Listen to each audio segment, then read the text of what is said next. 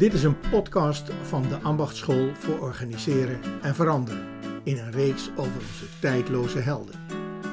We kijken hierin door hun ogen en door die van ons naar hedendaagse vraagstukken in ons ambacht.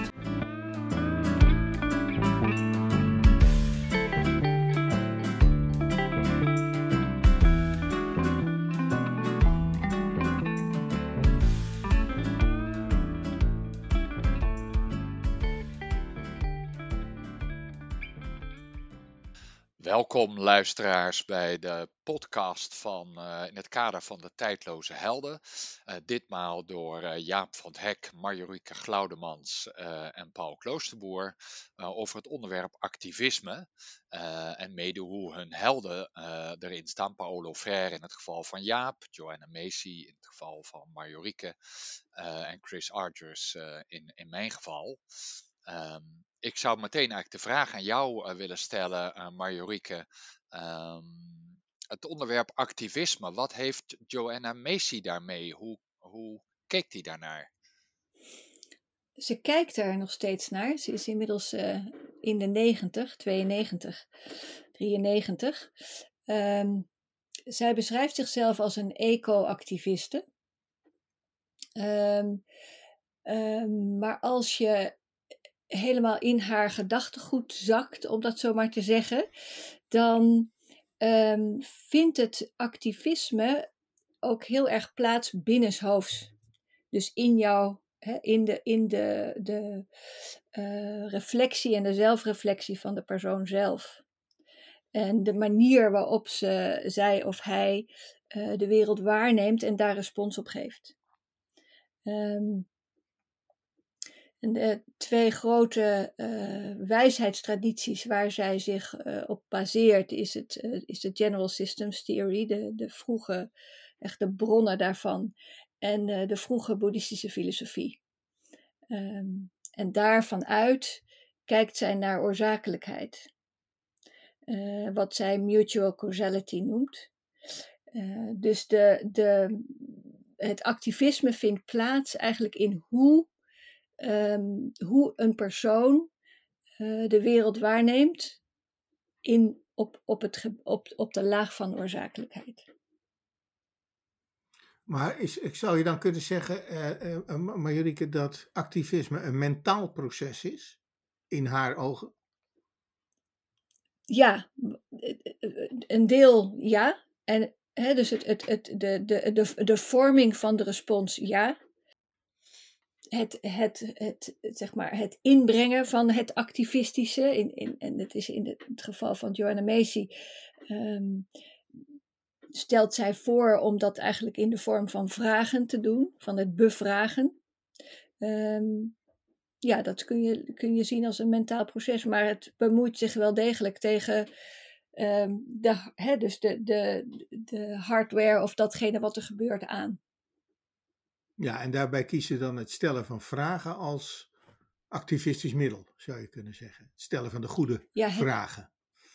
Mhm. Ja. ja. Hey Paul, en, ja. Doe, ja. doe eens introductie over Archeris en activisme. Um, ik, ik heb gisteren nog zitten opzoeken eerst, wat is activisme eigenlijk? Uh, ik denk, wat deze vraag gaan we natuurlijk doen. En, en toen kwam ik tot een verrassing op hele uh, gekke dingen uit. Namelijk uh, dat het de voorkeur zou zijn voor de daad boven meditatie en gebed. Dus dat, dat klinkt in ieder geval anders dan bijvoorbeeld Joanna Macy er tegenaan keek. Dus dat is wel een grappige. Het schijnt overigens ook een radicaal rechtse beweging in, in België, in Vlaanderen te zijn geweest rond de oorlog. Um, en het betekent ook gewoon je actief inzetten voor iets. Dus, dus je kunt er alle kanten mee op. Um, het mooie is dat als ik naar Ardris kijk, dat het, dat het eigenlijk eh, op een bepaalde manier lijkt op wat jij over Joanna Macy zegt. Omdat Ardris ook zegt, het gaat primair om de interne gesteldheid. Ben ik primair bezig met zelfbescherming? controle over eigen zorg en belangen, rationeel doen, gevoelens uitsluiten, uh, eenzijdig besluiten om gezichtsverlies aan alle kanten te beperken. Uh, of uh, is mijn primaire mindset gericht op onthul um, wat, je, wat je ziet en wat je voelt. Onthul ehm, eh, de redeneringen die je daaraan ontleent en de conclusies die je trekt en maak die toetsbaar en testbaar, zeg maar, voor jezelf en voor anderen, zodat je ook kan terugkomen op vergissingen en fouten die je daarin maakt. Dus dat begint ook wel echt met een mindset van ehm, nou, het uitschakelen tot die bijna evolutionair ingeprogrammeerde neiging tot zelfbescherming. Hoe, en hoe is dat bij Paulo Freire, Jaap? Ja, ik zou zeggen radicaal anders. uh, uh, hij is een, ook een radicaal. Dus zijn activisme zit, denk ik, vooral in het handelen. Ik denk eigenlijk dat hij niet zoveel op heeft met mentale processen, maar veel meer kijkt naar sociale processen. Dus wat hij heeft gedaan is um, uh, heeft zich vooral bezig gehouden met de alfabetisering van de onderdrukten, zoals hij dat ook noemt, de achtergestelden in, eh, in Zuid-Amerika. Vooral boeren en boerenknechten enzovoorts. Dus niet de grootgrondbezitters, maar degenen die het werk doen. Um, en die in hoge mate analfabeet waren en ook wat lethargisch in het leven stonden. In de zin van ja, het is zoals het is en daar is weinig aan te doen. En hij, zijn hypothese was eigenlijk dat uh, ze gewoon niet over taal beschikken. En dat het uh, hen helpen om over taal te beschikken, ook over geschreven taal, alfabetiseren. Dat dat hen zou helpen om, uh, om zich een, zelf een stem te geven. Ook een sociale stem. Ook elkaar te kunnen begrijpen. met elkaar in gesprek te kunnen gaan. En een sociale beweging te worden. Dus zijn Um, zijn activisme zat hem heel erg in hoe kan ik mensen leren om een stem te krijgen. Dus om zich te uiten. En in zekere zin komt het daar weer in de buurt ook van Macy misschien wel weer en, en Argyris, hè, dat het gaat om het uh, vinden van een stem. Uh, alleen zat dat bij hem niet in interieure processen, maar gewoon in hoe schrijf je, hoe maak je taal. Um, om op die manier er vooral een sociaal proces van te maken.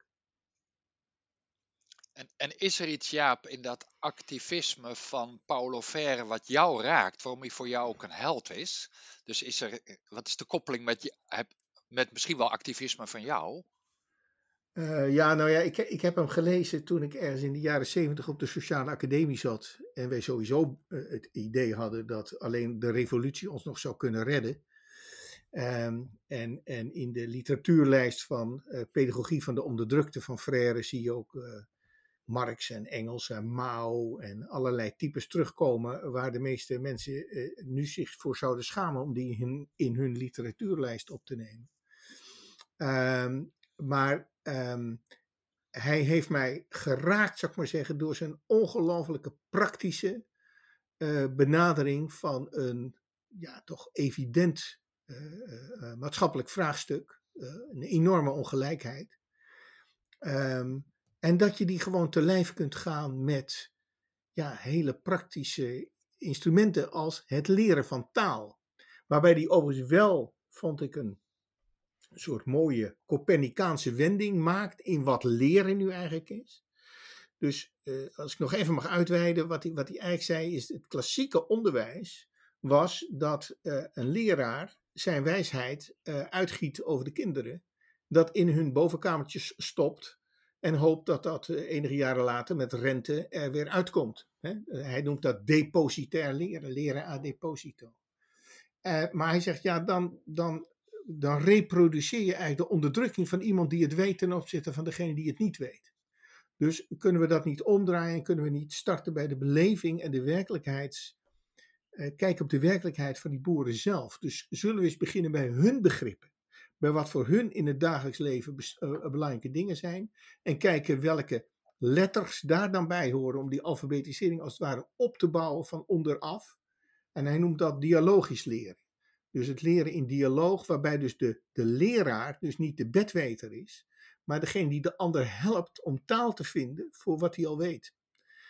Uh, en dat is, een, dat is echt een omdraaiing van het klassieke leren. Dat sprak mij met name enorm aan, omdat ik, nou ja, eigenlijk toen al dacht, ja, dat is niet alleen inhoudelijk interessant en, en, methodisch interessant, maar het is ook maatschappelijk relevant. En, uh, en het gekke is dat ik het idee heb dat deze kijk op leren inmiddels gemeengoed is geworden. Onder ons, onder onze vakgenoten. Uh, het, leren van volwassenen, zeg maar eventjes. En dat we tegelijkertijd uh, zelden frère eren voor de belangrijke rol die hij heeft vervuld in het ontwikkelen van dit soort denken. Dus daarom is hij een held, een beetje ook een vergeten held. En hoe is dat voor jou, uh? Hoe, hoe komt Joanna Macy terug in, in jou, zal ik maar zeggen? Ja, ik, ik ben even ontzettend geïnspireerd door wat, wat, wat Jaap zegt. En ook wat ik, eh, als ik jou, jouw column lees daarover.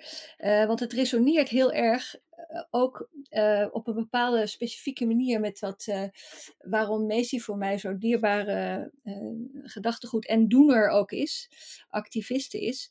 Um, wat, zij, um, wat zij eigenlijk ter berde brengt, is als je kijkt naar oorzakelijkheid vanuit lineariteit, wat natuurlijk, eh, ook al willen we dat, ook, ook al willen we dat misschien niet zo zien, maar nog echt het grote gemeengoed is om naar te kijken eh, naar hoe de dingen gebeuren en daarop onze actie en reactie te richten, um, brengt Macy echt op, op heel uh, minutieus, precies um, uh, toont ze dat uh, als we naar oorzakelijkheid kijken vanuit lineariteit, we eigenlijk een, um, een situatie organiseren uh, voor onszelf waarin we niet kunnen zien wat er gebeurt.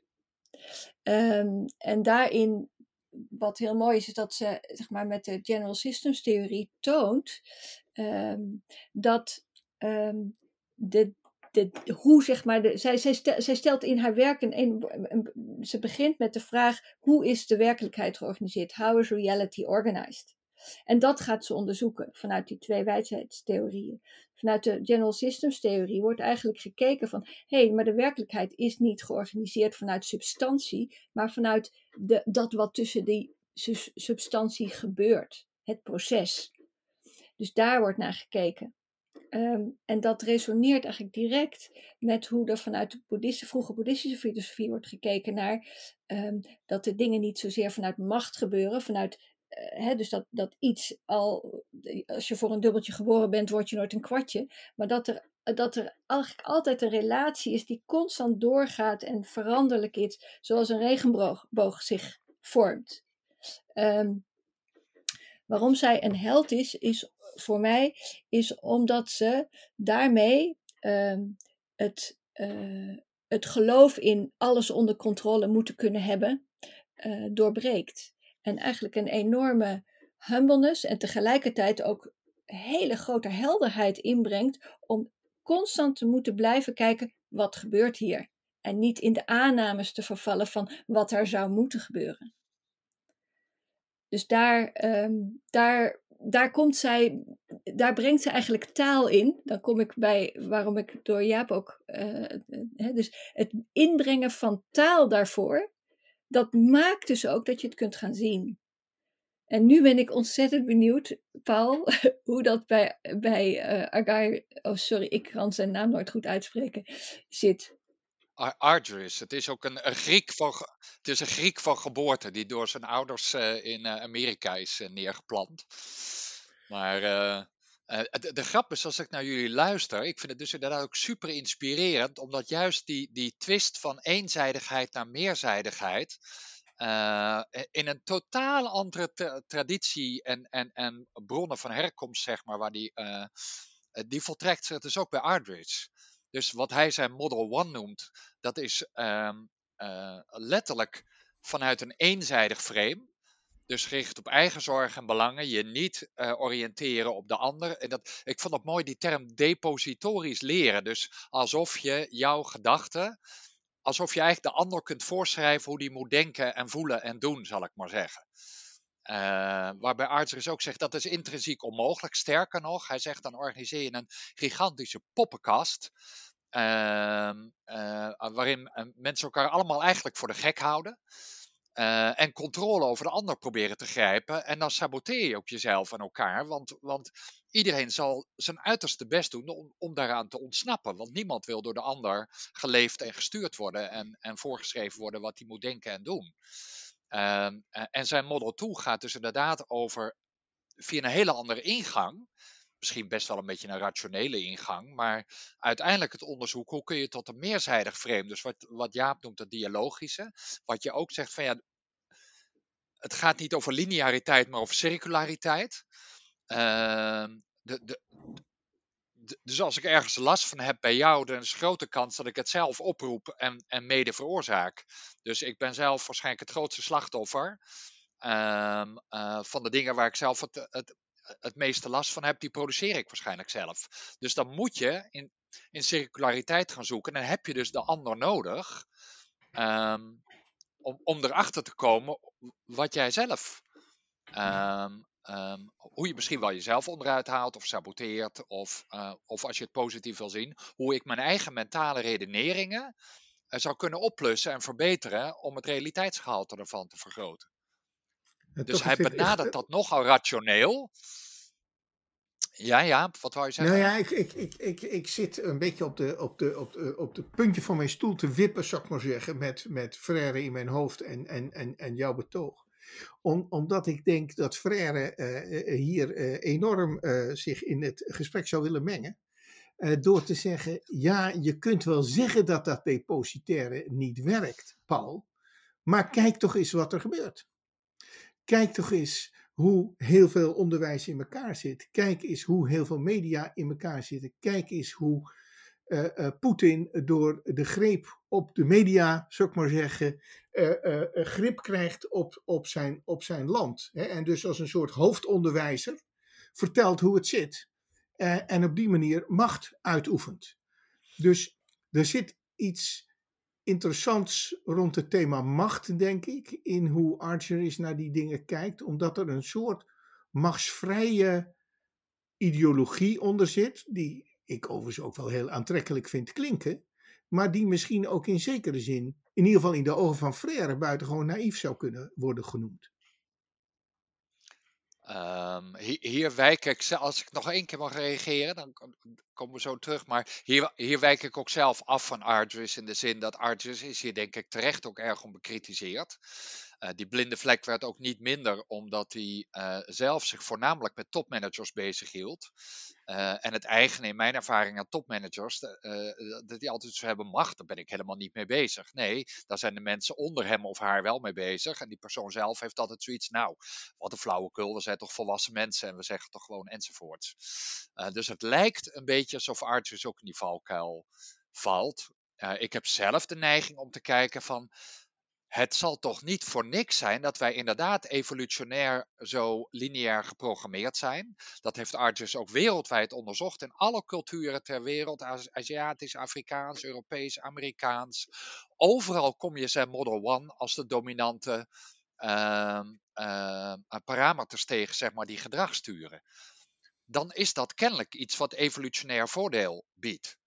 Hoe, hoe, ehm. zou, hoe zou Macy hierin staan? Uh, uh... Ja, Macy die heeft, het ook, uh, die heeft het ook tot in de puntjes onderzocht. Um, en al, ik, ik, ben nu, ik ga nu even, even heel slordig zijn, want we hebben, we hebben geen uren. maar je zou kunnen zeggen dat um, binnen de, de vroege boeddhistische filosofie, of binnen de vroeg, waar, waar de boeddhistische filosofie zich ontwikkelde, had je natuurlijk ook het lineair denken. Dus het, het, denken in een, een goddelijkheid die, uh, die, die, die ons geschapen heeft. Dus we zijn voorbestemd. Um, en daar, wat daarin zit, is een, um, een enorme verleiding om je daaraan over te geven. Want dan is er dus controle mogelijk. En het activisme, hè, om, daarop terug te komen, het activistische waar Messi eigenlijk toe uitnodigt, of, of de, de moed, de heldenmoed, is om dat los te laten en ook te zien als irreëel. Of als illusoir. hè, dat dat mogelijk is. Maar we zijn natuurlijk allemaal, willen we, we willen veilig zijn, we willen dat we, dat we weten waar we aan toe zijn, we willen controle hebben, we willen geen onverwachte dingen. En dus het zit zeg maar in, de, in het DNA van de mens om, om liever te kiezen voor, de, voor het comfort. Um, dus daar, in, op, dat, op dat vlak, en dus ik zeg er al bij van ik ben slordig, um, plaatst Macy zeg maar het, het activisme ook. Dus daar begint het, het, het, het activisme in de, in de mens zelf. Nou, dit, dit spreekt mij erg aan overigens. En ik denk Arthur ook, dat vind ik dan wel, toch wel het mooie. Want hij heeft echt tot zijn dood, diep in de negentig, niet aflatend gestreden tegen die poppenkast. Van elkaar voor de gek houden. En gestreden om uh, uh, precies tegen die illusie die illusie dat je daarmee uh, uh, dingen voor elkaar krijgt. En, en, dus, en, en geknokt ervoor van ga nou op zoek naar wat er echt is en, en durf je redeneringen te laten testen. Um, om uit die illusie te ontsnappen en uit die poppenkast te ontsnappen waarin we elkaar gek maken. En of je het ermee eens bent of niet, maar dat onverdrotene om daar tot, tot ver in de negentig al je boeken en artikelen over te laten gaan en al je lezingen en maar niet aflatend voor te strijden. Uh, ja, op een hele andere manier dan Macy dat doet. Ik denk dat hij dat veel contemplatiever doet, heeft gedaan dan Arthur Maar uh, ja, ja. We gaan, uh, we gaan richting afronden. Dus misschien is het mooi om uh, te kijken of we allemaal, hè, we alle drie, nog iets kunnen zeggen over wat is nu dat activistische van deze drie prachtige denkers.